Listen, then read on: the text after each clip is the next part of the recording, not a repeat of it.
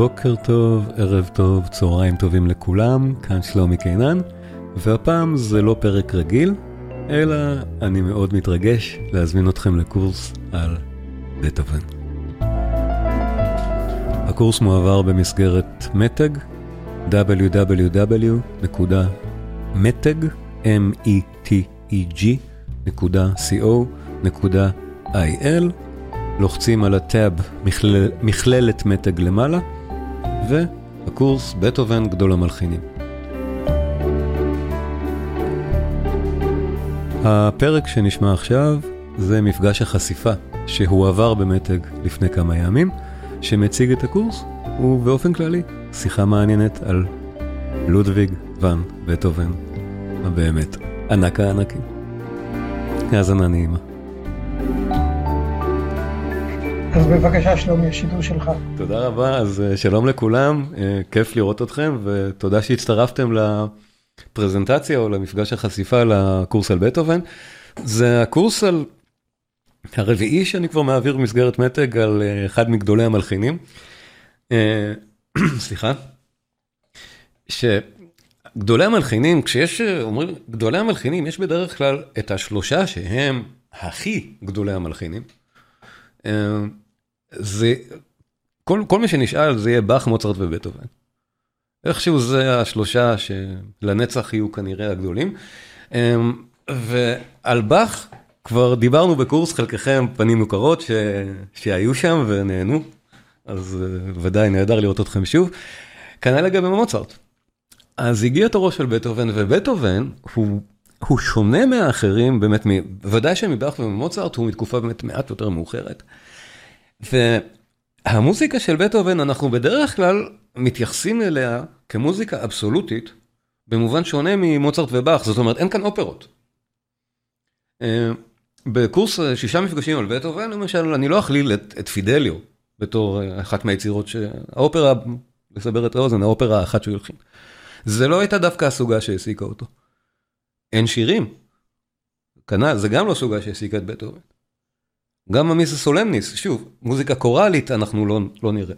בטהובן, אה, אנחנו בדרך כלל מתייחסים אליו אה, כגדולתו באמת היא על סוגות אחרות של מוזיקה שאנחנו בדרך כלל קוראים לה מוזיקה אבסולוטית, וככה אני גם מתייחס לזה בקורס, אבל אה, זה בא עם כוכבית. עוד, עוד דבר שבקורס אני אתייחס אליו הרבה זה בטהובן באמצעי המדיה השונים. אנחנו נעקוב אחרי הרבה מאוד סרטים, דוקומנטריים ואחרים.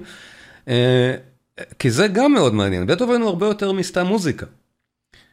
ואז השאלה באמת עד כמה אפשר להגיד שהמוזיקה הזאת היא באמת אבסולוטית. דוגמה טובה יכולה להיות האנקדוטה הזאת. אם אתם זוכרים, היה ביפן את ה... את הצונאמי הגדול ואז הכורים הגרעיניים שם, והיה טרגדיה, טרגדיה רצינית. ובאותה שנה אני הקלטתי מ-BBC נדמה לי, זה היה את המהדורת חדשות שמדברת על איך מנגנים שם את בטהובן. רגע. איפה זה? יפן. הנה. אני אראה את זה. Finally, tonight we all have a... שנייה שנראה את זה יותר טוב. זהו. Favorite holiday song, certainly no lack of choices, but in Japan it seems everyone has the same favorite holiday song. And this year, as Lucy Kraft tells us, it may mean more than ever.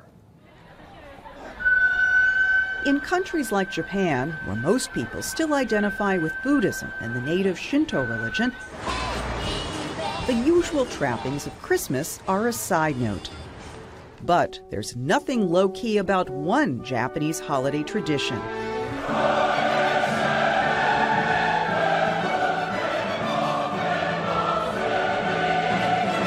This time of year, Japan goes batty for Beethoven's masterpiece, Ode to Joy. December just wouldn't be the end of the year without a stirring rendition of Beethoven's Ninth Symphony. The music is so beloved here, it's known affectionately as Daiku, which literally means number nine. The Beethoven craze began, strangely enough, during World War I German soldiers being held as prisoners in Japan staged the very first performance of Number 9 here. The Japanese liked what they heard, and by the mid 20th century, number 9 had become a holiday hit. As Japan recovers from the tsunami last March, the lyrics have taken on deeper meaning this year. The disaster showed us we need to help one another, says this chorus member. That's what this song evokes for me. Performed and sung all through the month, from concert halls to department stores, Number 9 now is a welcome, if predictable, gig for Japanese musicians and conductors. I have done, I think, the, uh, more than 150 times. Some hardcore fans even try to sing it in German. I don't know all the words, says this nine year old. I just fake it. For sheer scale, nothing beats the 10,000 man number 9 chorus of Osaka. Talented and tone deaf alike, all vie for the chance to stand on stage. Healing note for a shattered nation. Lucy Kraft, CBS News, Osaka. זה חזק, ואני לא חושב שיש משהו דומה לזה בכלל. אני לא מכיר שום, שום מוזיקה שהיא כל כך אוניברסלית, נגיד ככה, בהשפעה שלה. ובואו נגיד, התשיעית של בטהובן היא לאו דווקא באמת יצירה, יצירת מוזיקה טהורה. זו מוזיקה שיש לה מסר מאוד, בואו נגיד, אחת מהיצירות עם המסר הכי, הכי חזק שיש בכלל ברפרטואר, ועדיין אנחנו מתייחסים לבטהובן כמוזיקאי אבסולוטי. זה מעניין. אנחנו נדבר על הסימפוניה התשיעית במפגש האחרון של הקורס, כי זה באמת יצירה מאוד מאוחרת שלו. זה באמת יצירה מהתקופה האחרונה של, של בטהובן. הקורס יהיה מחולק, אתם יכולים לראות את זה אצלכם, אני אראה פה גם. הקורס יהיה מחולק עקרונית לפי, לפי תקופות. כמו שמקובל בדרך כלל לדבר על בטהובן, זה תקופה ראשונה, שנייה ושלישית. יש ככה תמיד ביוגרפיות או היסטוריות של, המוזיקה, של בטהובן מתארים גם את היצירה וגם את חייו האישיים, במידה רבה מאוד מאוד של צדק. אכן, גם חייו וגם יצירתו במובן הזה מחולקות לשלוש תקופות. ולכן גם הקורס יהיה מחולק לשלוש תקופות, שבהתחלה, במפגש הראשון, נדבר גם על ההשפעות המאוד מאוד בולטות של בטהובן. אם אני אגדיל קצת אם צריך, הנה, עכשיו רואים יותר טוב. עכשיו, השפעות חשובות מאוד במקרה הזה, כמו שדיברנו על ההשפעות של מוצרט, ושוב, באך תהיה דמות מאוד מאוד משמעותית בהשפעות על בטהובן וביכולת שלו להלחין בצורה שלא הייתה לצידו בתקופתו. הוא הכיר את באך. זה מאוד חשוב. המפגש הראשון יעסוק הרבה מאוד בזה. אחר כך, והדרך למעלה, היצירות מהתקופה הראשונה, התקופה הראשונה של בטהובן זו תקופה שאין מה לזלזל בה בכלל, היא בטהובן. יצירות ענק, ואנחנו נעבור, חוץ מתקופות גם על סוגות. כמו שאתם כבר רואים, אני, אני ישר אה, אה, מחלק את הדברים האלה לסוגות. כי הדבר השני שחשוב להתייחס אליו בחלוקת היצירות של בטהובן, זה הסוגות שאליהן נתייחס, ולכן, בכל התקופות שעליהן נדבר, תהיינה סוגות, רביעיות מיתרים עילאיות, קונצ'רטי גדולים. סימפוניות ויצירות לפסנתר, בעיקר סונטות. עכשיו, אנחנו תכף נדבר גם על אותן סוגות, אבל באמת התשיעית של בטהובן שייכת לתקופה, לתקופה המאוחרת, כמו הרביעיות המאוחרות, ועל הדברים האלה אנחנו גם ננתח אותם בנפרד, בתוך, בתוך אותו עניין כרונולוגי. עכשיו, למה, למה כל זה חשוב? היצירה המאוד ידועה הזאת,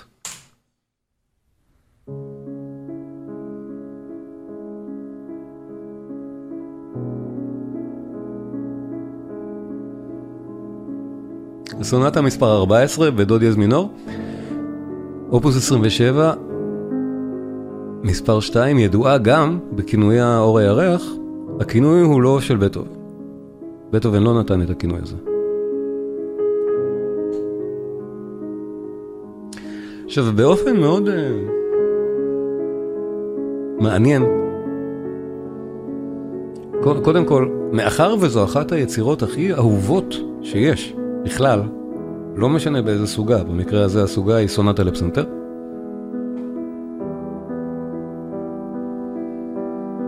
היצירה ברור שהיא אבסולוטית, אבסטרקטית. אפשר לנתח אותה, ובקורס ננתח אותה. זאת אומרת, יש פה צורת סונטה מאיזשהו סוג. אנחנו נדבר על הצורות האלה ונסביר מהן. אבל זה בכלל לא משנה לחוויה שלכם כמאזינים.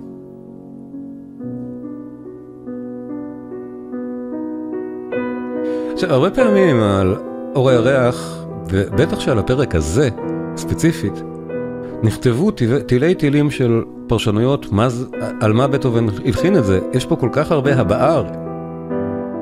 האומנם זו מוזיקה אבסולוטית? שאלה טובה. ולכן, למי הוא הקדיש את זה בדיוק? במי הוא היה מאוהב באותה תקופה? ופרשנויות מהסוג הזה יש המון. כולל השם הרומנטי, אור הירח, שם שבטהובן עצמו לא נתן ליצירה. ומעניין אם זה לא היה נקרא אור הירח, היינו מרגישים אותו דבר כלפי המוזיקה. אבל זו שאלה אחרת.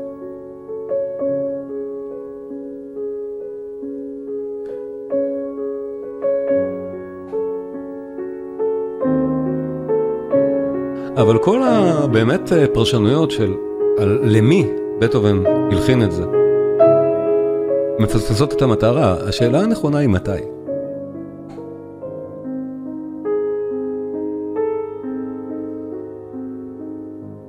ולכן אני כל כך נכנסתי קודם לענייני כרונולוגיה, כי היא חיונית במקרה של בטהובן.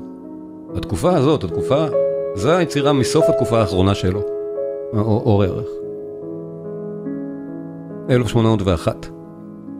ההירואיקה 1802 נחשבת כמסמלת את תחילת התקופה האמצעית שלו, תקופת הגבורה, ההירואיקה. זה שנה לפני כן.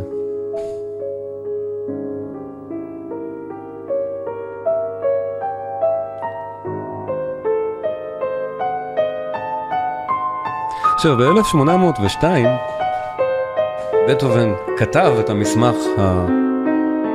אחד מהקשים לקריאה בתולדות המוזיקה. מצאתי תרגום לעברית שלה, נהדר, של צוואת אה, היילגנשטט. הצוואה שהוא כתב ב-1802, כשהוא הבין שהוא מתחרש. בזמן כתיבת הסונטה הזאת הוא כבר מבין שהוא מתחרש.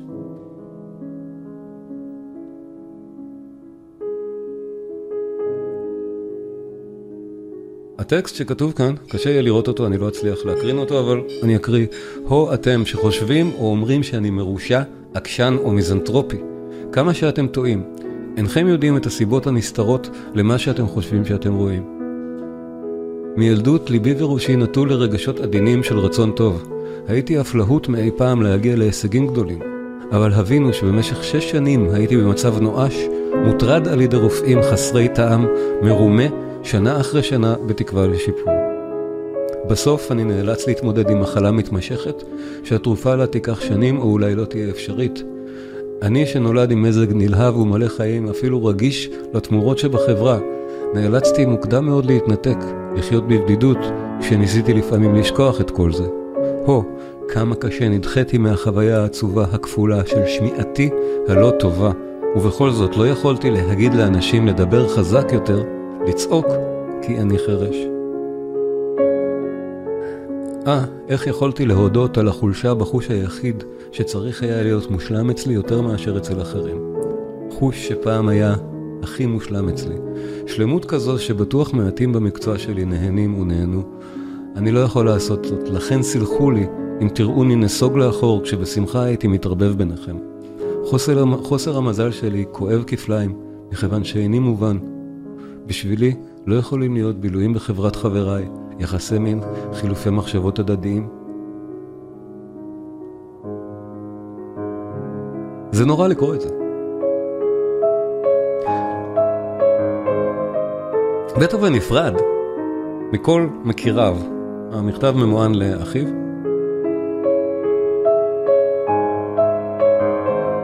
אז מוזיקה אבסולוטית, כן.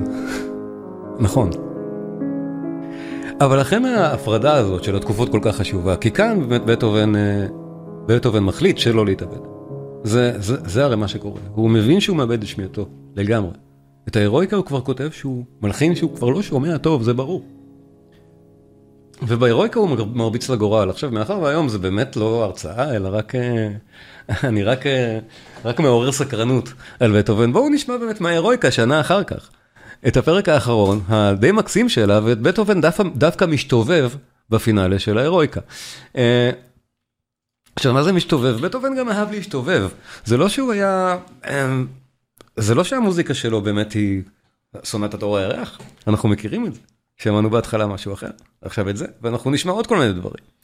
אז ההירואיקה שעליה גם אנחנו נדבר בקורס, אה, היא ברור, בטהובן עכשיו אה, מתגבר על המשבר באופן הירואי, ומחליט להמשיך לחיות, ומלחין סימפוניה ענקית, אנחנו גם נדבר על זה.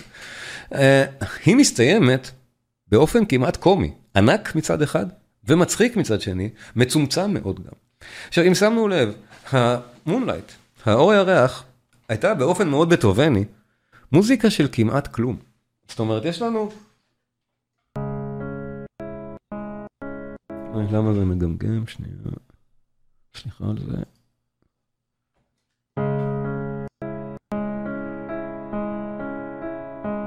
את הליווי.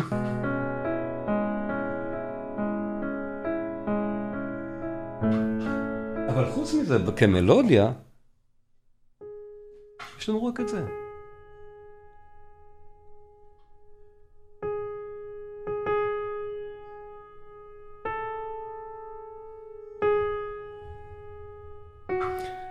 זה ממש כלום.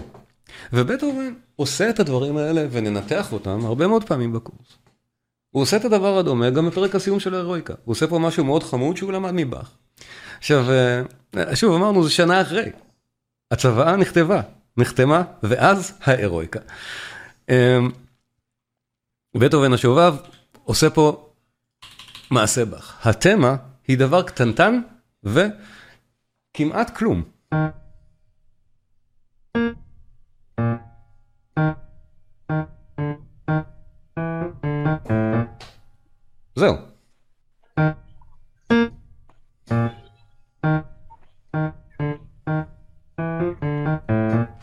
ואז עוד יותר מצחיק.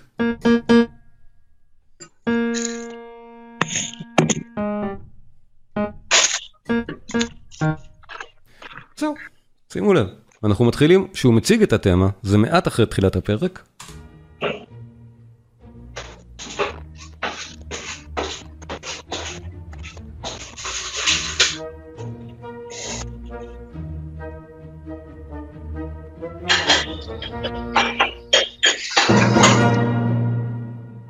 יש אחד מהמיקרופונים מרעיש, אם אפשר להשתיק אותו.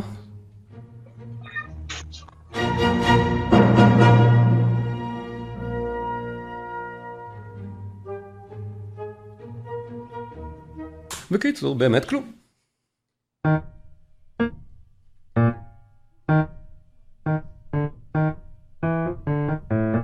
בואו נשמע את הפרק מתחילתו, ונשמע את בטהובן באמת משתובב פה בסימפוניה ההירואית שלו בסיום שלה. הוא מתחיל אותה כאילו שסוף העולם.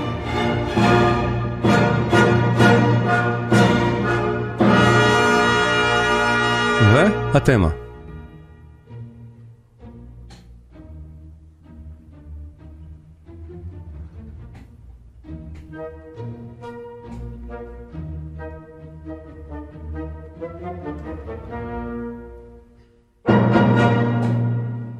כל מה שיהיה בפרק הזה מבוסס על התמה הזאת כמה שמלווה אותו. טוב נשמע. הנה, חוזרים להתחלה של התמה, נכון? טה, טה, טה.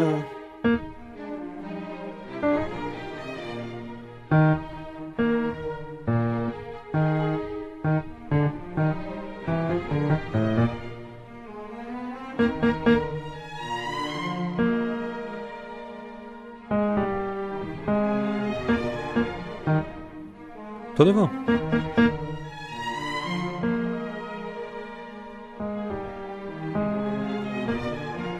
שוב.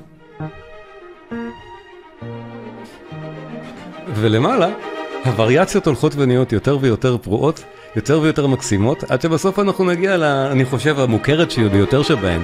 אבל המיומנות, הווירטואוזיות של בטהובן כאן כמלחין סימפוני היא נהדרת.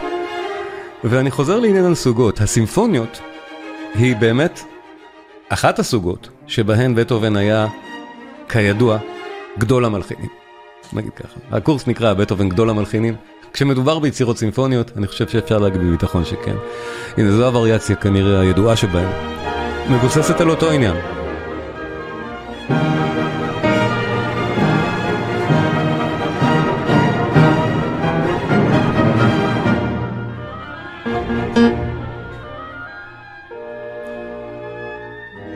אז כן, היצירות הסימפוניות של בטהובן, אנחנו בקורס נדבר על ההירואיקה ועל התשיעית.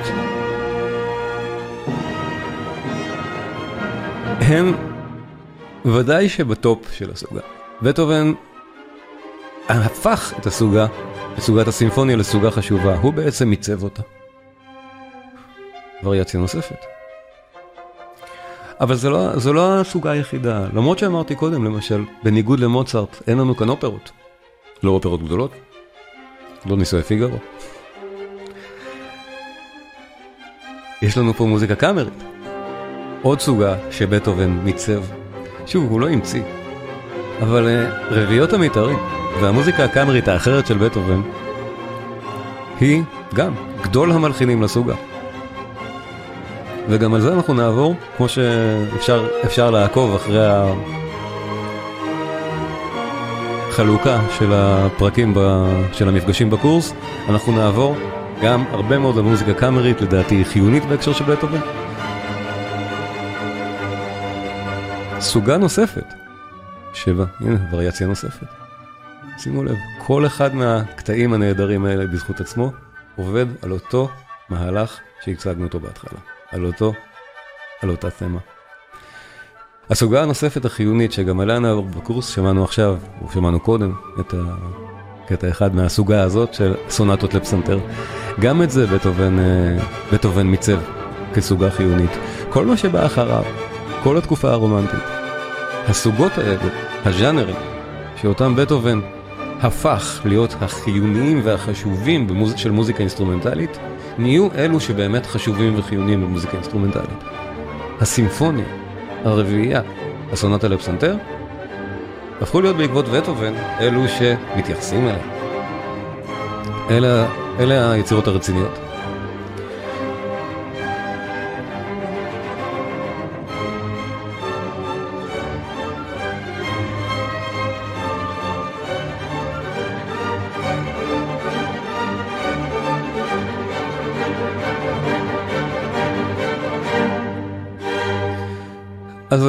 ברור שלא נוכל להכיל בתוך, uh, בתוך שישה מפגשים את כל העושר הזה של יצירתו של בטהובן, אז אני אשתמש בדוגמאות מייצגות של באמת של ניתוח מוזיקלי של יצירות. כמו שאתם, חלקכם, או הרבה מכם בעצם, מכירים ממני את, את הדרך בה אני מנתח, העדפתי היום לא להדגים את זה בשביל... אתם, אתם מכירים. אבל מה שכן, יצירות שכבר דיברתי עליהן, כמו למשל באמת אנחנו עשיתי, עשיתי מולכם לפני כמעט חצי שנה סדרה על בטהובן, על בעיקר על הקונצ'רטי שלו, אה, סדרה שינקה מהתקופה הקלאסית של היידן, אז זו סדרה למשל של ארבע, ארבע, ארבע, ארבעה מפגשים, שאני לא אחזור על אותן יצירות בקורס שאני נותן מולכם אה, הפעם. אני פשוט, אלו תכנים שאני פשוט אתן לכם שתוכלו לצפות מתי שתרצו בנפרד מהקורס. אנחנו מדברים על שלושה או ארבעה קונצ'רטי בעצם של בטהובן, שאני לא אחזור עליהם בקורס, ועל uh, מבחר יצירות נוספות שבהחלט uh, בהחלט uh, שווה לראות. ואת הקורס אני אקדיש ליצירות אחרות שלא דיברתי עליהן. שוב, לבטהובן יש הרי כל כך הרבה. אז באמת, אנחנו נקדיש את זה למוזיקה קאמרית, שאני חושב שחובה להכיר ובאמת קל לאהוב בהרבה מקרים. לא תמיד אגב. מוזיקה לפסנתר. וכמובן שמוזיקה סימפונית, ועוד מעט דברים אחרים. והנה, בטהובן עוצר כאן לעוד וריאציה. הדמיון לא מפסיק. אני נאלץ להפסיק את הפרק בגלל שאין לי זמן להשמיע את כולו, ואנחנו באמת נהנה מהניתוחים של, ה... של היצירות במלואן בקורס. אבל דוגמאות אחרות למשל, באמת אה, משהו שלא חשבתי להשמיע היום, אבל אה, דיברנו קודם על תוכן לפסח. למשל, בטהובן, כשהוא כותב מוזיקה קאמרית, והוא כותב אותה לפעמים לפי הזמנה, והמוזיקה צריכה להיות קלה. היא יכולה גם להיות קלה, ולפעמים היא קשה. הדוג... הדוגמאות של מוזיקה קלה של בטהובן, למשל, הדברים האלה מאוד קלים.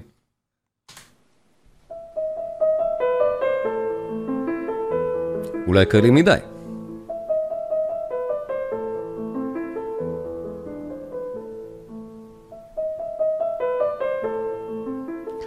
עכשיו, כן, לבטהובן יש גם את הצד הזה. ויש בצד הזה דברים מאוד מאוד נחמדים ונעימים שלו. בואו נשמע למשל, אולי פחות מפורסם, אבל מקסים לא פחות. הסונטה החמישית לכינור, לכינור ופסנתר, אה, שנקראת האביב, ולכן אני משמיע אותה עכשיו, לכבוד האביב. אנחנו נעשה מפגש על האביב ביום חמישי, אז למה שלא נשמע את הפרק האחרון הסוגר של סונטת האביב של בטהובן? דוגמאות למוזיקה קאמרית נפלאה של בטהובן, שבאמת אנחנו בקורס נעבור עליה, כי אני חושב שהרבה ממנה לא מוכרת מספיק.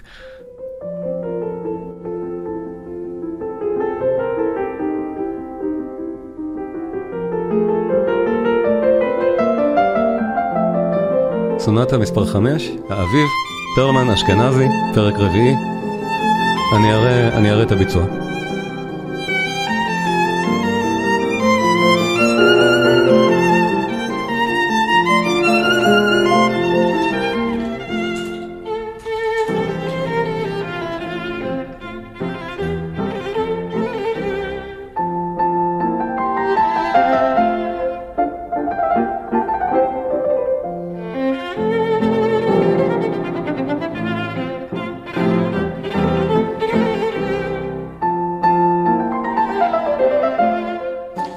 ובקורס אנחנו באמת נעבור הרבה מאוד על ביצועים. ביצועים מומלצים, יותר או פחות.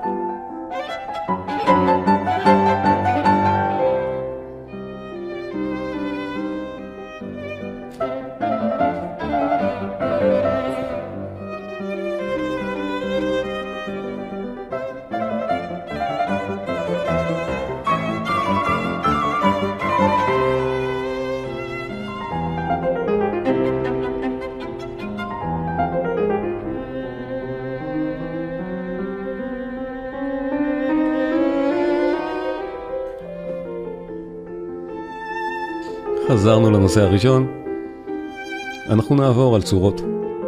ננתח אותם, נסביר מה זה צורת סונטה, צורות אחרות של התקופה, ודאי.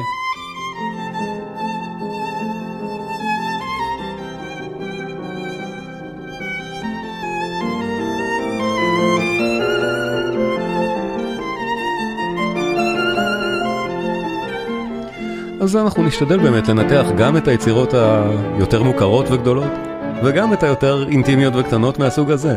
זו למשל באמת מהמקסימות שבהן. יש עוד המון. שלא כולן קלות, ננסה להיכנס גם לחלק מעובי הקורה אצל בטהובן, בעיקר כשמדובר בתקופה המאוחרת שלו, או בדברים שבאמת הם בדרך כלל אה, לא התקבלו יפה גם בתקופתו. אה, אני גם אראה קטעים נניח, אה, קטעים מסרטים או מדוקומנטריים, ש... ממחיזים את הדברים האלה, כי הם לפעמים מאוד מעניינים.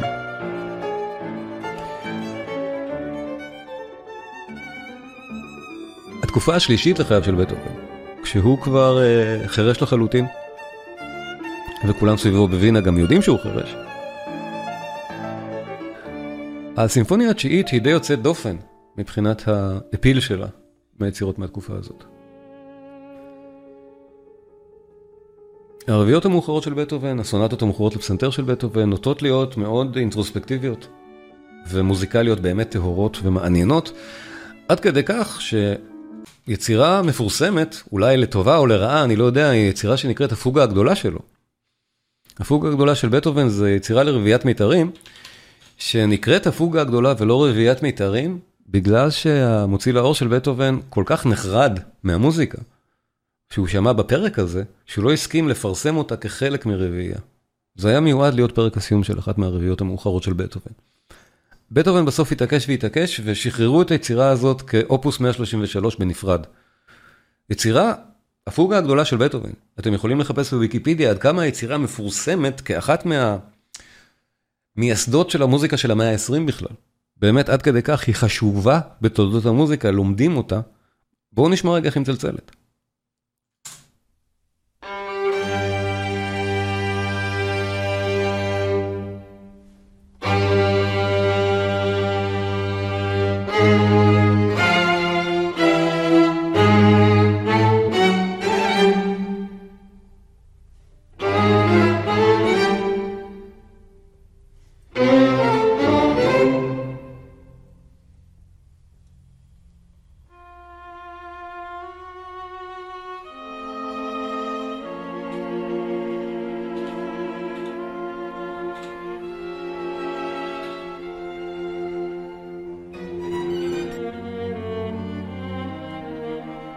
מוזיקה מאוד קשה. קשה עד לא מובנת ונשמעת לנו כמו מוזיקה של המאה ה-20. זה נהיה אפילו יותר קיצוני תכף, בחלק שיהיה אצלי גדול. ברור שמדובר כאן באומן שלא אכפת לו. מה נחשוב על זה? האם אנחנו נהנה מהמוזיקה כקהל. אבל יש כאן המון עומק שניתן לנתח אותו כעומק מוזיקלי, לכן היצירה כל כך מוערכת. זו באמת פוגה גדולה.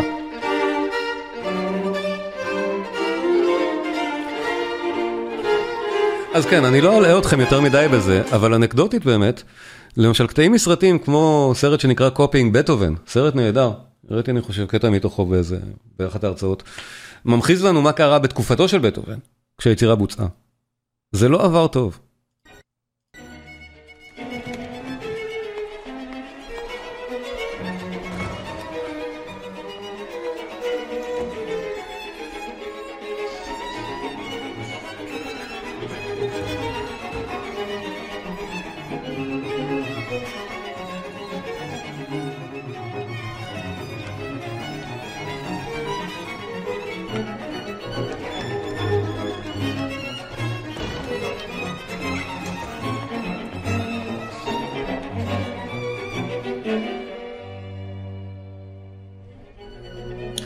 המלחין חירש. ככה זה באמת נשמע, נכון?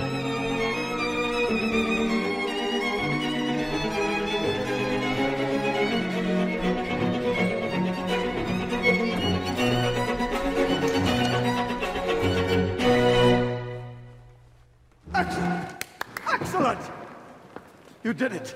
You did it! My God, you're deafer than I thought. המחזה נהדרת של דברים שקרו באמת. זו מוזיקה שכנראה בתקופתו אי אפשר היה לאהוב, או אי אפשר היה להבין כקהל, ואנחנו אפילו יכולים לזהות ולהבין למה. אבל התקופה האחרונה של בטהובן היא אכן מרתקת, ואנחנו גם נדבר עליה, בטח שבהקשר של שוב, אותה סימפוניה תשיעית, אבל היא לא היחידה מהתקופה הזאת שהזמינה לנו. אמ, לסיום, בואו נשמע פרק רביעייה נהדר מהסוף, מתקופה, מהתקופה המאוחרת של בטהובן, רביעיית מיתרים אה, מספר 14, אופוס 131, רביעייה שאני מאוד מאוד אוהב. נזכר, הפרק, אה, הש, הפרק השני של התשיעית, הפרסטו.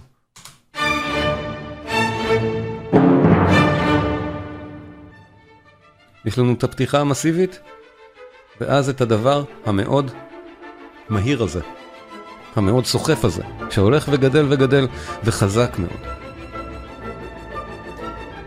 רביעיית מיתרים, מהמאוחרות של בטהובן, מהנפלאות, פרק מסיים של אופוס 131.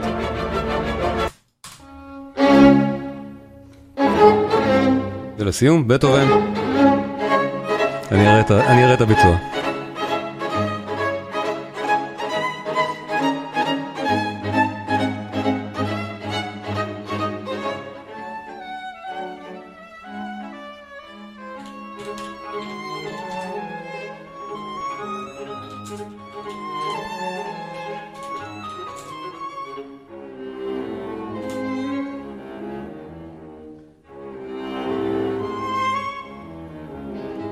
יש הקלטות נהדרות של בטהובן, של מכלול יצירותיו, המון הקלטות נפלאות.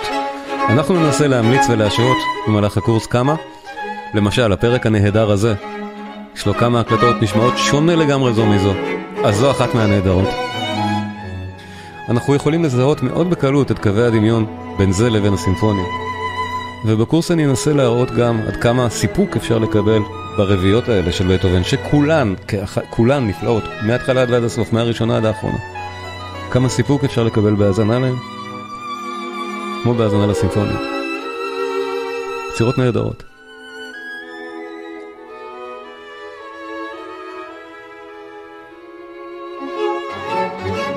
חזרנו למוטיב הראשון. וזה בטהובן הכועס, בטהובן עם כל הכוח.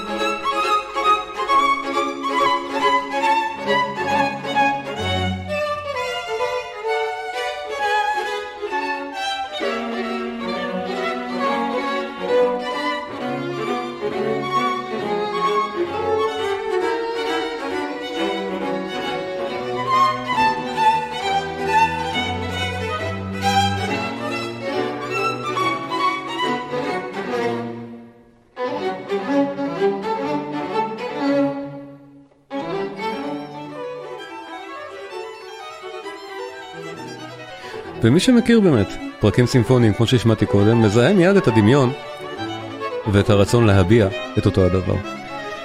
אותי אישית מאוד מעניין זה אפילו לא מילה. אה, איך אפשר להלחין מוזיקה כשאינך שומע?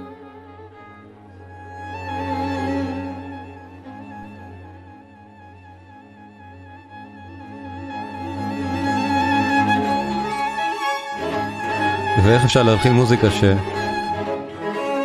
כל כך מדהימה כל כך הרבה שנים אחר כך. רביעיות המיתרים המאוחרות של בטהובן מוערכות כקבוצה כ masterpieces הגדולים ביותר בסוגה. וכששומעים את זה אפשר להבין למה.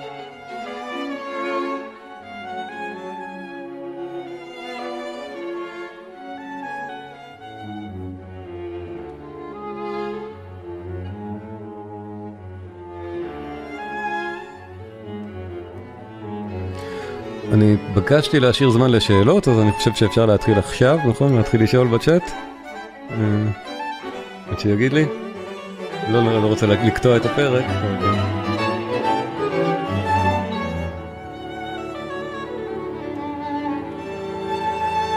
טוב, חבל לי לעצור את המוזיקה, נשמע את זה עד הסוף.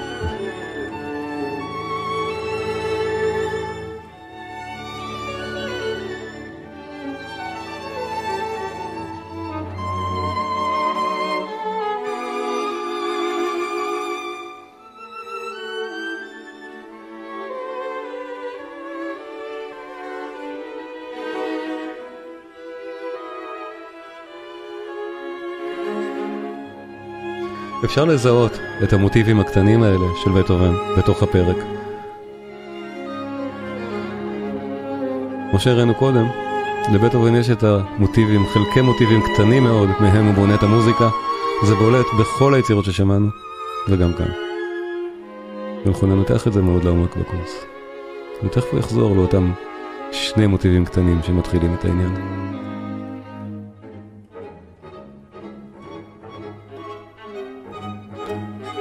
ראשון.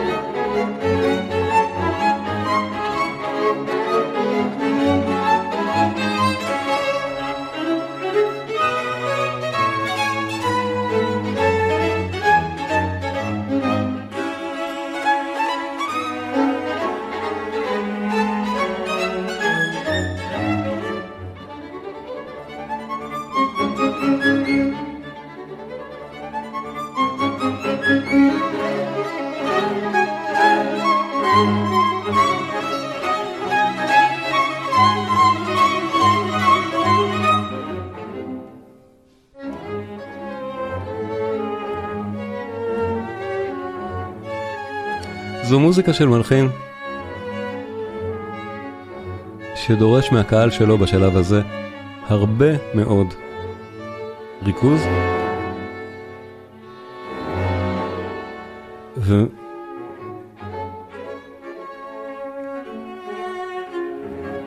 ממש ניתן להרגיש, ואנחנו נראה את זה בקורס, איך כאן בטהובן כותב מוזיקה שהיא לגמרי תיאורטית, לא אמורה לתקשר מול קהל.